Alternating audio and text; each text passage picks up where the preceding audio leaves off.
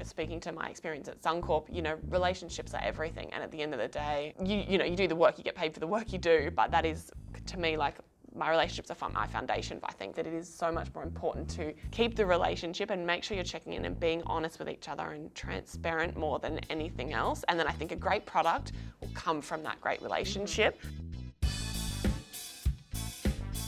Hi, everybody. This is Sam Cast with just one of your co hosts, Kavi.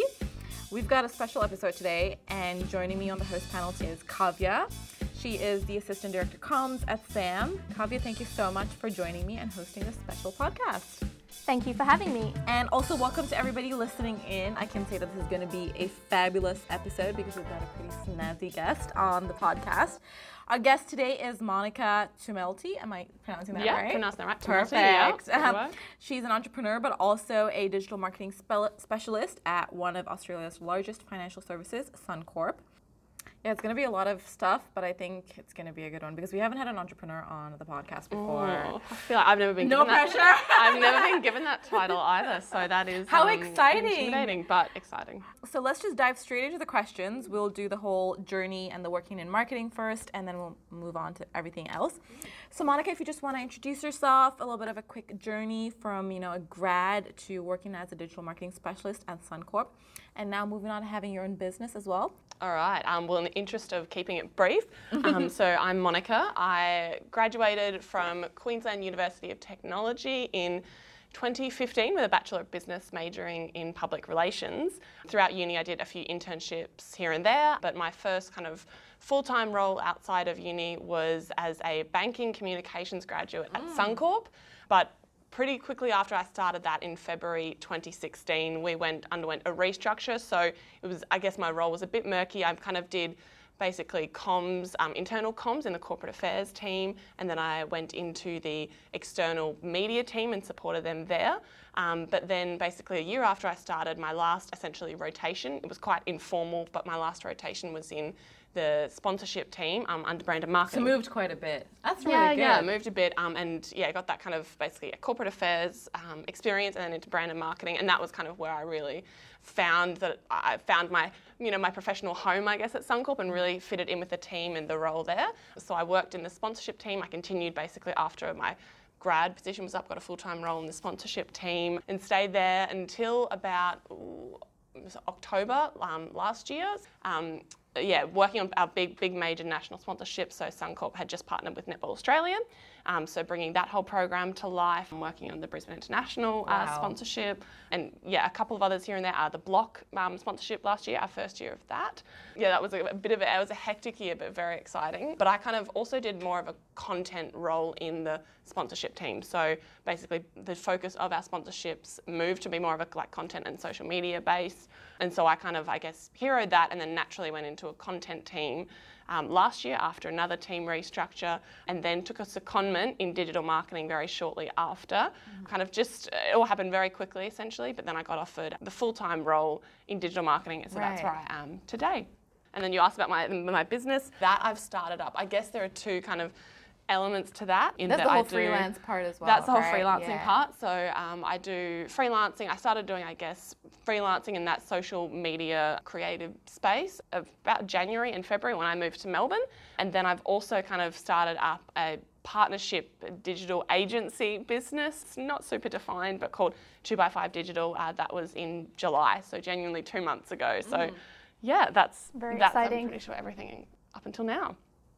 So, with your main role at Suncorp, given you've had the opportunity to work in several roles within that organisation, what's kind of encouraged you to stick with digital marketing over other areas? Well, I guess previously in, in brand and marketing and where I spoke about the sponsorship role that I did, it was very creative focused and from, you know, the full kind of uh, marketing funnel and how that works, it was very, you know, top of the funnel, bring, getting strong awareness um, and reach and, you know, um, building that affinity uh, with Suncorp as a brand. But I hadn't had as much exposure to the kind of the more technical side of things, which was the performance focused and really, um, I'd never had sales targets. I was never responsible for that, and I kind of felt that that was a gap in my skill set as a marketer to kind of be responsible for targets to actually say Hit the I- numbers. yeah, to hit the numbers at them. Like previously, it was just a lot about yeah how many people you were reaching, which was which is obviously super important as well. Well, but I didn't have that kind of Added experience. pressure. Yeah. Was it almost? Um, to an extent, it's just a different set of KPIs. Essentially, it's just where previously, you know, in a sponsor in the sponsorship role, you know, you're looking at awareness, at yeah, reach, at brand sentiment, things like that. Like yeah, how you know what your broad demographics are, who you're looking to grow and target. Whereas I guess down the bottom, it's kind of really driving people, and it's a, a whole different set of channels as well. So um, these, the channels I work in now are paid search advertising, so SEM, programmatic and display, and social media performance as well. So less of a content focus, just more of a retargeting focus. So it was just more so to get that more technical side of things and become, um, yeah, I guess as I said, round out a skill set, I guess, and get a, and get an idea of how the full funnel kind of of marketing works, I guess. And I just kind of want to stay on the topic of digital marketing. I think this is probably a very massive cliche that I'm just about to state, but Suncorp is a financial services um, organization, right? You perhaps you wouldn't think of the opportunities that you may have to develop a digital marketing skill, a more creative kind of role in a financial services organization. So did you have any kind of hesitancy, or how have they kind of embraced the creativity, the innovation, mm. um, given that's not their like main kind of yeah you, thing, you don't you know? think of financial yeah. services you don't think of oh yeah, a really yeah, creative company um, no i totally get what you're saying and i think that's why i loved marketing because it was i guess the it was the creative area and i, I think i still have um, half of me is very creatively orientated so i loved being able to to get into the creative and working on ads. And I guess the other thing as well, Suncorp does include other brands like you know AAMI Insurance, um, Shannons, and some of them have some have some pretty cool campaigns in market. AAMI, especially you know with the not very insurancy, and I think that's the thing is that getting the opportunity to work on those was it is it is unique, and I think the sponsorships particularly is probably the furthest you can get. I think it was, it was unique in the sense of what I got to do in terms of from a yeah creative perspective, working in the sponsorships team, but then now working in digital marketing is probably less creative to be honest. But yeah, I think it's just you've got you've got to you've got to appeal to people and um, we have some great agencies as well that do that so there is definitely a lot of opportunity to still have that creative side and express your creativity, I guess. And it would have been really exciting straight out of uni to be able to work on these really big budget campaigns. Mm, yeah, it definitely was. I think the thing was is that I still did a year before in comms and corporate affairs, which was so valuable to me, but it also kind of showed me that that wasn't the area for me. So when I got to the brand and marketing team, it was kind of like a, a light, like something just clicked and a bit of a light um, went off. So yeah.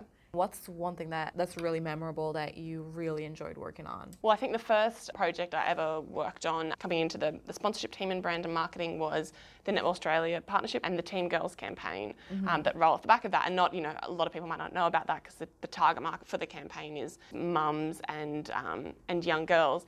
But it basically all came out of um, the fact that basically Suncorp wants to, I think, encourage confidence in people and girls who are confident become confident women and make stronger financial decisions. That was a really empowering campaign to be a part of. We did a lot of work then about what pain points young girls are facing, um, which seems so far removed from insurance and banking. Um, but we had that connection there and, it, and it's been a fantastic sponsorship. Because we mentioned all the really amazing things that a large organisation that Suncorp has for culture. So, how did you find the size of the business that you were working at impact that experience? I guess the culture at Suncorp for me is extremely supportive. It's it's a well-established culture, to be honest, as well. Um, and I think that's the beauty of being a large organisation is that it's around, been around for many years, and they have they put a great value on you know their people and the people experience and creating a really good culture. Um, so that has been kind of a blessing to be a part of, and they treat employees well. So I think that is regardless, you know, just from a, a HR perspective, you know, there are nights that are sometimes late, but most of the time I get out at 5, 5.30 every day. Mm. So, you know, they kind of understand the importance They care about the work-life balance. Yeah, absolutely. Yeah. They, have many like flexible options, which is fantastic, working from home. If you have an appointment during the day, it's hard to make that on weekends. Like leaders are okay with it. So I think just the beauty of someone like Suncorp is that it has had the history to build up an organisation. It's just got the size to have, you know, a really solid HR team um, that really kind of puts forward those strong values and distributes that to all the teams. And you know, I, I can't think of a team that really doesn't have a good culture at Suncorp, to be honest. I haven't seen all of them, but um, yeah, it is known for, I guess, a good culture. Yeah, so, well, in that project which you just mentioned, you mentioned like a whole range of different technical skills.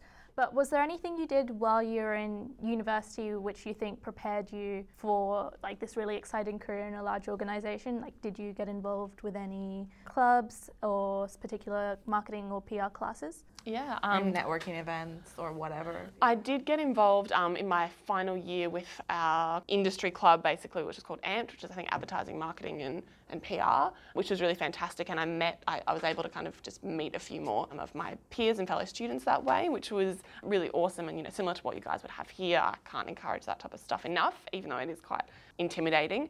But I think the biggest thing for me was doing internships, and it's probably drilled in and talked about incessantly. Um, and it was at uni as well, but that has you know prepared me massively just to get into that professional mindset and Right. understand how to behave in a professional environment, the expectations of you, and just getting used to the, the ways of working. To be honest, being in an organisation, time management, things like that. So obviously all the classes as well helped with writing and yeah. Um, Again, yeah, time management, but internships are probably the biggest thing for Yeah. me that really helped. So for students looking to start a job right after college or university, how can they find out whether that work culture is right for them? How did how can they choose a corporation? What are some key, some key things that you um, you think students should look out for? Yeah. If that, yeah. Um, I guess short of going on to like something like Glassdoor and seeing what the reviews are, I think with so many you know startups and new organisations, that's not always available for um, for every organisation. But I think just asking questions, to be honest, asking questions in those interviews. Um, you know, normally in an interview, you always get the opportunity. Do you have any questions? Um, and if they don't touch on it originally, I think you know how do you how do you celebrate in your team? How do you celebrate achievement? What is you know the kind of the atmosphere like in the office? How do you take Um, care of your employees even? yeah, That's exactly. Kind of what do you do anything outside of work? Things like that. So I think it is it is hard to gauge because at the end of the day you aren't in the organisation. Um, but I think yeah, just asking a couple of questions about what their kind of work like culture values are and things like that. Most organisations, um, or I think good ones, should have those to be honest, and they should um, celebrate achievements in some way, shape, or form. What do you think have been the most useful transferable skills that you've gained from university and then applied it in your job? And then as you moved across Suncorp as well, what have been some of these skills that you feel like you've been using multiple times across roles? So I think skills at uni um, are probably more of those. I well, you don't mentioned before about time management and all Yeah, that. is it? exactly. It's time management. I don't, to be honest, I don't go back and think of the PR principles that I learned, but things that were invaluable were time management, working to a deadline, working in groups, as hard as some group assessments were.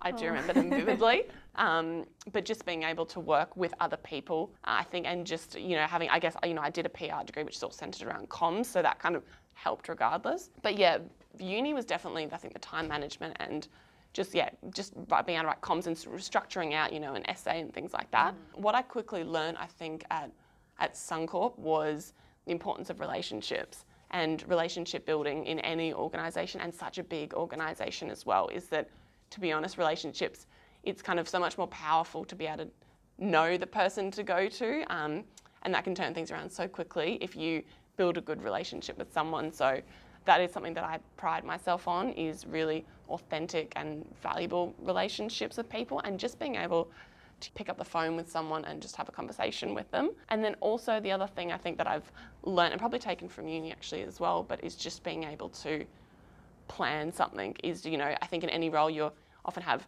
problems or challenges and you've got to come up with a solution for whether that's hitting a sales target, whether that's getting sign-ups to a newsletter or something, but just kind of thoroughly going through what, what your plan of attack is. Um, and that's something I think I learned in uni and then have taken as well with me throughout different roles, um, whatever my objectives are. Yeah, so you mentioned in uni the dreaded group assignment, but I think for anybody listening in who wants to do like individual work, like stop cribbing and do the group work. It's gonna it's gonna come to help you. well, in a group assignment, everyone has pretty much equal responsibility. But when you're starting out as a new grad in a large corporation, you're pretty much at the bottom of the pecking order. So, how did you go about making sure that your voice was heard um, in discussions with people who are more senior than you? it's it's two part and it's a bit of a kind of a, a chicken and egg situation. And I guess the other thing as well that I have to caveat in saying this is that it's, it's much it's easy for me to say as well, knowing that I've built up this kind of experience, but. Um, you're there for a reason and you were picked as, as a grad, whatever your role is, to be in there for a reason because you can add value. You wouldn't have been hired otherwise. Um, so you have something to give essentially. Uh, and to be honest, for, for, anyone listening, obviously any grads, whatever, you're, you're young, you're going to come with a fresh perspective, and that is so valuable to an organisation. The biggest thing for me was also changing teams and just having not that I didn't have fantastic leaders beforehand, but I think coming into the new the new team when I went into brand and marketing and sponsorships team, I had fantastic leaders who really empowered me and and valued what I had to say. And I think I just realised that at that particular time as well that I did have things and I knew things that they didn't. Sure, I'm, they might have had 10s, 20 years extra experience in the industry, but I could, you know, talk to things and that's I mentioned I started to champion things like social media activity and, and our content because that wasn't their particular skill set. They didn't have experience and that's what we were, you know, um, I was kind of perfectly set out to, you know, speak up about that and um, contribute my thoughts. But I think it's just important as well to just even if you can, like even in say a meeting or something, just ask something or you know contribute even if it's one idea or one question or something you, you will have something valuable to say and it, it's so cliche because you get told this throughout school throughout uni but if you're thinking it, someone else probably is as well. So, you know, ask the questions that even seem dumb or, you know, and just be honest about it. But I think regardless, if you've, if you've been hired, it's, it's for a reason. You have knowledge to give and they recognize that. And as well, if you're, if you're a grad, I think people know that you're not going to get it. To be honest, it took me six months to a year. And that was going through a, a restructure as well to get really comfortable with what I was doing um, and the organization that I was in. And it's a big organization. So p- people can understand that as well. They don't expect you to know it straight off and don't think you have to, I think, impress straight away. Listening is just as valuable as contributing. And I think you don't necessarily, contribution doesn't have to be, like you say, at a meeting, doesn't have to be actually given an idea, but just even asking a question, I think shows initiative that, you know what, you're thinking through this, you're trying to understand it, you're, you're, you're really trying to kind of put active yeah. effort. Yeah, get your head that around matters it. as well. Mm, for sure. I think we can move on to the more entrepreneurial related questions yes. about you know starting your own business, and we can kind of talk about the freelancing as a little bit as well. Do you want to kind of start off with giving us a little bit of an introduction about that? So yeah, as I mentioned before, there's kind of two prongs, I guess, when it comes to like you know doing my own business or having my own uh, quote unquote side hustle. Uh, but freelancing came about mostly because I'd moved from the, the role I was in in sponsorships, as I mentioned, social content. That was something I really enjoyed doing. But being in the digital marketing space, creative isn't as much a part of our roles. We're more about delivery and implementation and kind of very technical aspects. So I had this skill set that I really enjoyed. And as I said, I love the creative side of things as well. You know, even just seeing amazing videos and content come together. I, and then I also, I think it was just honestly a conversation at work that we were talking about um, someone had a friend who just started their own social media business and she was doing really, really well. And it's kind of, as I said, you know, touching on my last answer, is that I had this skill set that I just kind of was like, yeah, um, you know, that's you know that's, that's, what I have. Yeah, my colleague kind of said, you know, that's there's a lot of demand for that. Like, you know, a lot of small business owners don't know social media, how to run ads, how to do creative. They don't even really get Instagram and what a strategy is where we are right it now is. with I, digital. Yeah. I know every, I think, you know, every kind of, most, you know, millennials or Gen Y, Gen Z, whatever, get social media and stuff and it's like, oh, okay. But there are a lot of businesses and people who have a great business idea but that need help with that type of stuff. And so when she told me about her friend who'd gotten started doing it, um, she was kind of like, you know, you could probably do that as well if you wanted. And it was something I had in my head, honestly, for like a year. So for people that, you know, many people have these business ideas ticking around, so did I for ages. Uh, it kind of fell in my lap a little bit of that, you know, moving to Melbourne. Um, I think it was my kind of beautician essentially who I mentioned that I work in digital marketing and she just said that she knew someone who needed support with that and would I be happy to do that and I was kind of like oh well here we go like here's my opportunity I've been thinking about it for so long let's finally do it 2x5 digital stuff, that again is still very new, but came about when I was just at a networking event for kind of startups. I was just more wanting to get a bit more exposure to us in networking and met a young girl who is also in kind of that startup freelancing space. She's doing, she is specializes in web design. And so we just kind of connected and she'd also moved to um, Melbourne earlier this year yeah, we were kind of over time we just would talk about our own, you know, freelancing, you know, challenges and pain points. And Then we kind of said, oh well, let's maybe give this a crack together and see how we go. Let's actually have a go at kind of starting up more of a formalized business. Mm-hmm. See if we can kind of combine our skill sets and I guess have a more robust digital offering. And just I think yeah talking about you know, startup and entrepreneurship it's such a such a buzzword and thing to do these days but I, I kind of love it. You know it's something that I was like oh well here's my opportunity new city um, might as well give it a crack. And there's a great startup They've got really nothing to lose right? Well exactly. Yeah. and it's kind of one of those things that I was like oh, if I don't do it I'm going to get really annoyed and at myself and someone else is going to do it anyway. The market's only growing um, and there's a great community here in Melbourne as well for that type of stuff. So at the moment it's still very very kind of new. I've done some freelancing stuff for a couple of clients and we're still, to be honest, getting started with 2by5 Digital. We right. don't we don't even have a client yet to be brutally honest. Like it's genuinely but just been an instagram page. It's been an we got an abn we've got a business bank account. That's something. And i think well yeah. and i think the biggest step is almost taking it from just an idea mm. to actually having something that's tangible. Oh, 100%. And I think that's that that in that in and of itself is such a big achievement. Mm, yeah, yeah. That's just a stepping stone. It can only go up from there. Yeah, let's hope so. Let's hope so. I'll sweep under the rug. um, so you've been doing freelancing for a while, and you've just kind of started your new two by five. So so far, how have you found the experience working with a partner versus doing it solo? And do you think that having someone else there has actually made the process more simple or more complex? There are definitely pros and cons to both. The pros, I love being accountable to someone. To be honest, it has really helped me, and I wouldn't have done it. And I probably, simultaneously, I probably wouldn't have kept going with freelancing as well if it wasn't for her and her being Kat, my I guess business partner. Sounds very formal way of saying it, but it is true. Having someone to keep me in check and just as well share the pain points with, share the whole journey has been really kind of fulfilling and really makes it a lot easier in that sense of okay, it's if I don't do it, I'm answering I'm answering to her as well, not just me it's been really good to be able to also bounce ideas off each other, to vet my ideas by her if there's a client or whatever, or if, you know, is there something you've got an idea that you go, is this ridiculous, to check that off by her. And she's also got a bit more um, freelancing experience than me. So, you know, to have her background to be able to pull in and, you know, talk to even the more admin type stuff like contracts and invoices, she brings that experience to the table. On the flip side, though, it does mean it does mean vetting your ideas by someone. It means getting approval from someone else to an extent. And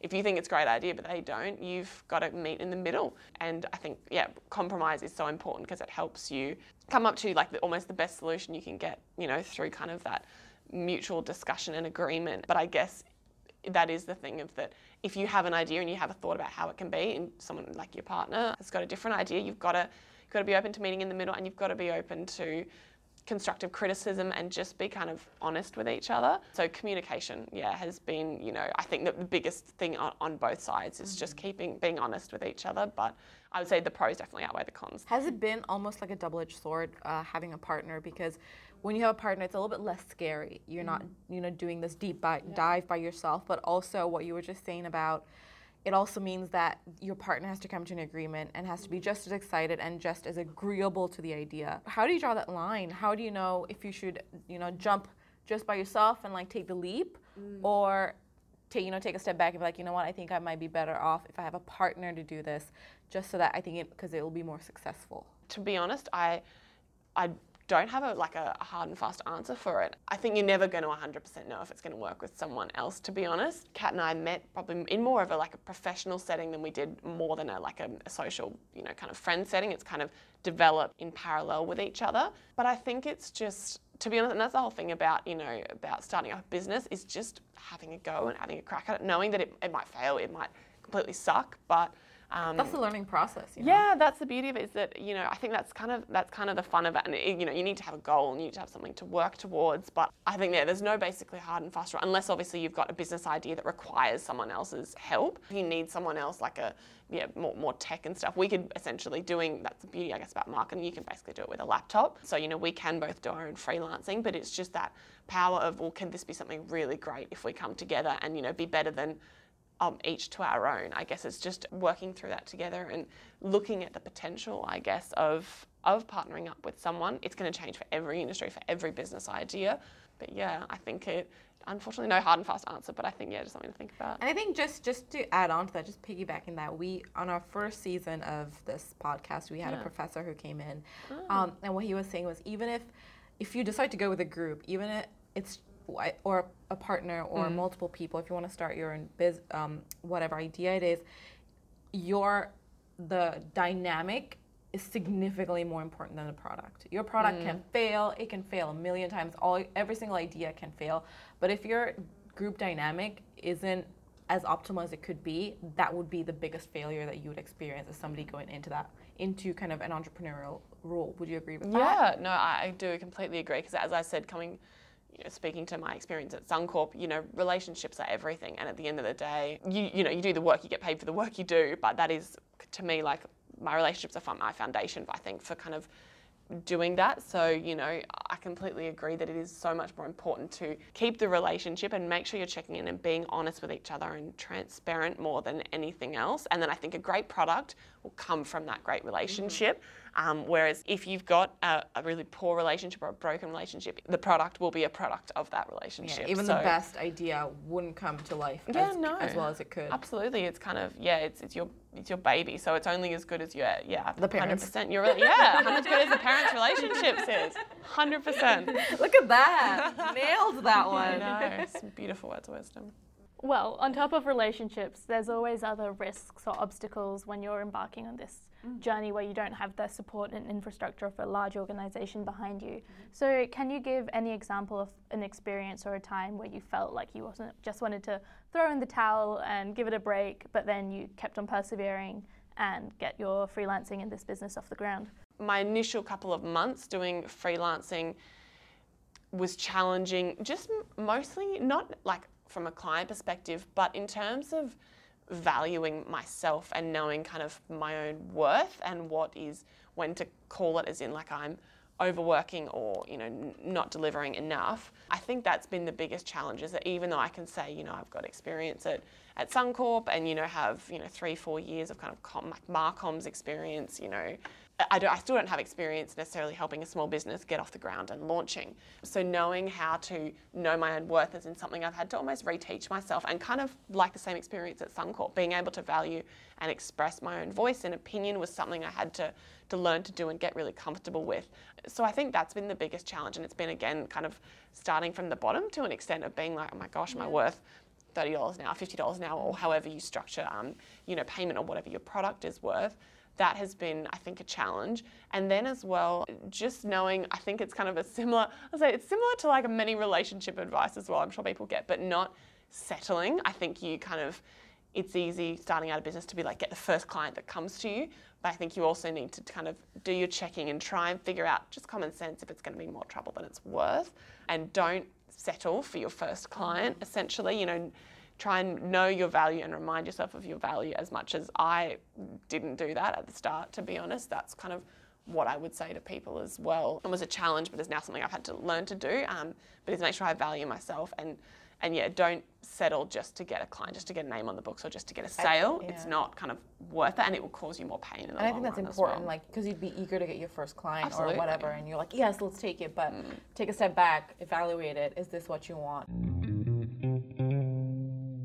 Speaking of clients, have you felt that there's more pressure given that your clients are very small businesses and other people just starting up compared to, I guess, big corporate clients? Mm, yeah, it's definitely a different kind of pressure. Like when it's someone else's small business, that is that's that that's their baby. It's not just you know. I guess that is one of the beauty about someone Suncorp. You are you know you can make a difference, but you are still a, a small you know like you are small and compared to the whole organisation. It's you know 14, 15,000 people. Whereas you're working with someone with a small business, they've that's their business, that's their baby. If you're marketing for them and don't do it right, what's what's the impact of that?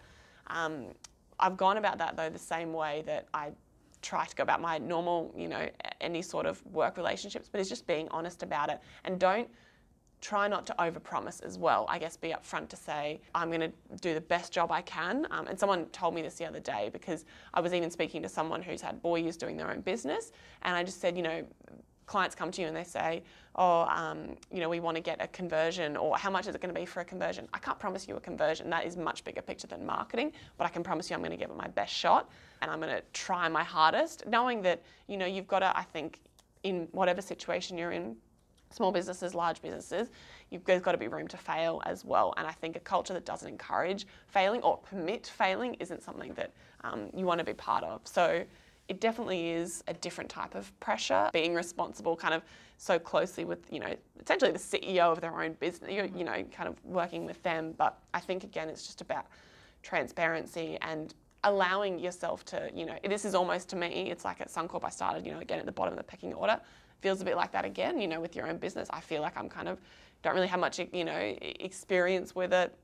It's relatively new. I feel like, you know, oh, could I fail at any moment? Yeah, it's just trying to take all those learnings of, you know, I do, I can kind of add value to someone. I know kind of more than them. So it's just, I guess, showing them that and also just being honest. So when things actually do work out for your client, that must be so much more exciting for you as well. Yeah, it's, it's insanely fulfilling to be able to see kind of the numbers tick and the budgets are like, take a couple zeros off of what Suncorp has, for example. But to see those numbers come through is so rewarding and you know the client to get excited absolutely if you could give one piece of advice to anybody out there who want to start their own business what would that be so i would say don't compare yourself to other businesses. You know there are a lot of people doing social media marketing um, and you know it's a growing industry. And if i compared myself to every other social media marketer out there i would drive myself insane.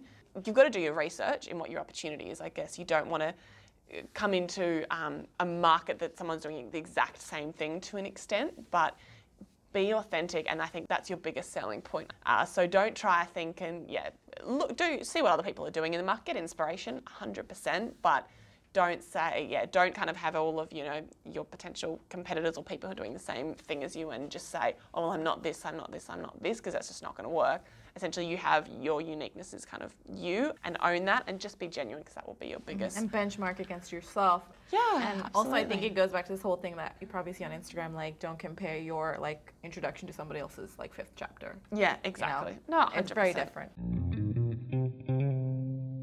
You're working at Suncorp and that's a massive organization and now you know you're still doing freelance and you're just getting two by five off the ground. How do you juggle between the two and how do you kind of have time for yourself? Are you do you feel burnt out again, that's another thing to be brutally honest, I don't have an answer for. It's still, you know, something like at the moment I'm moving this weekend, so that is like taking Pressure. a whole like that's a whole weekend out. Last weekend I was away, trying to balance that and again stay responsible to my business partner, but also, you know, I love my job at Suncorp and I don't plan to quit it and I still have massive ambitions in the company. So, you know, trying not to give up that work and also one thing that I will completely admit to being guilty of is trying to balance, like, you know, working, you know, being at, you know, 1 p.m. in the day and having, doing my work at Suncorp, but then also having something come up on my phone about freelancing and getting sidetracked by that. I think what I need to do better 100%, and this is where I, yeah, as I said, I definitely don't juggle it well as improvements to be made, is setting time for each thing and trying to immerse yourself, like being, you know, being that whole in the moment type thing and having a, a presence. So when I'm at work at Suncorp, being and doing my work at Suncorp, if I need to, you know, take a meeting or whatever, set myself time, maybe a lunch hour or something to then do some two by five work or freelancing or whatever, but focusing, having that single minded focus. And then when I come home in the evening, that's when I set myself time to, again, catch up on my freelancing emails or weekends. That's when I have time to catch up there. So I think that would be my big that's almost my biggest advice to myself at the moment um, yeah. because i'm not doing the best job at juggling it i'm doing all right and i think that's kind of the fun of it is being it's being a little bit crazy. It, it gives me that extra sense of purpose and fulfillment, I guess, just in what in what I do and, and my career. But yeah, is having that, I guess, single-minded view and just kind of seeing something through. Because to be honest you're going to be so much less productive and I'm less productive and I'm trying to I get sidetracked by several things at once. And I was asking on... you to come in for a podcast as well. Yeah oh no I love this though. I know I'm so busy. It's so typical and it's such an easy excuse though to say. Mm-hmm. um, I'm not though I love everything that I'm doing. I just need to um, and that's what I would say to people is kind of try and be in the moment and do what you're doing then and there and have your set your time aside and kind of don't whether that's turning off your phone or whatever don't try not let to let yourself get distracted.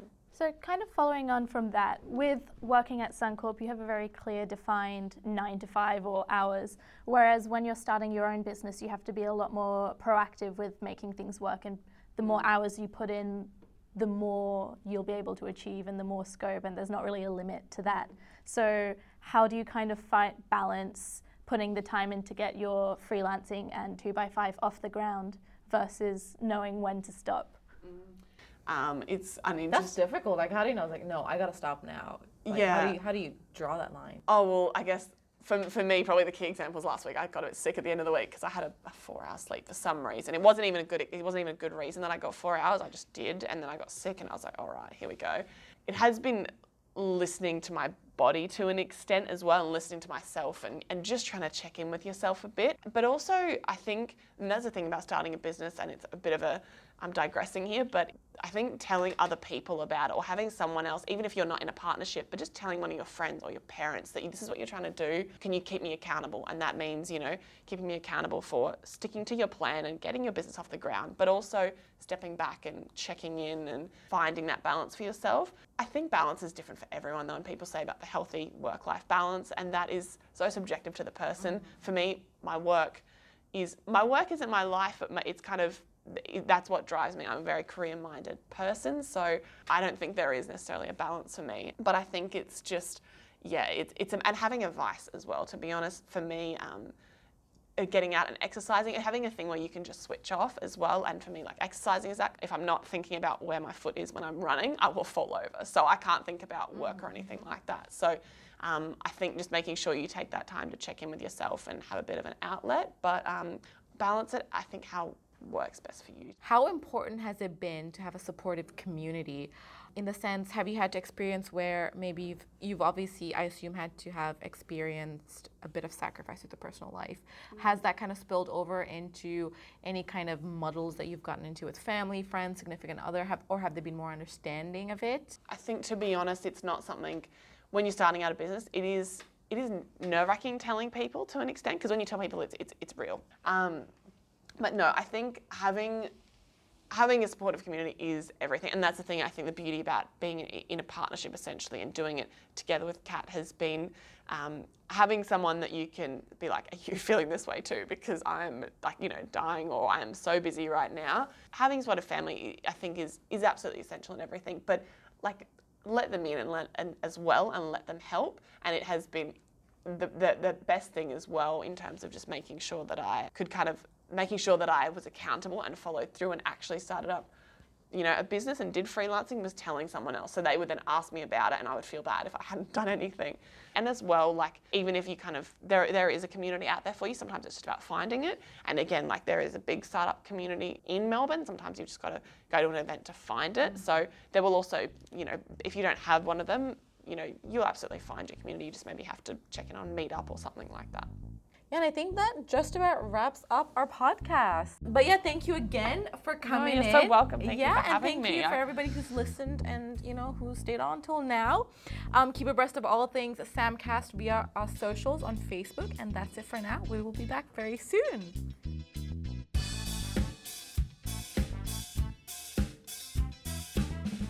And that wraps up our episode. Until then, don't forget to connect with us on our socials to keep up to date on everything marketing and management. Yep, that is it from us, and we'll see you in our next podcast. This is Elaine and Kavi signing out.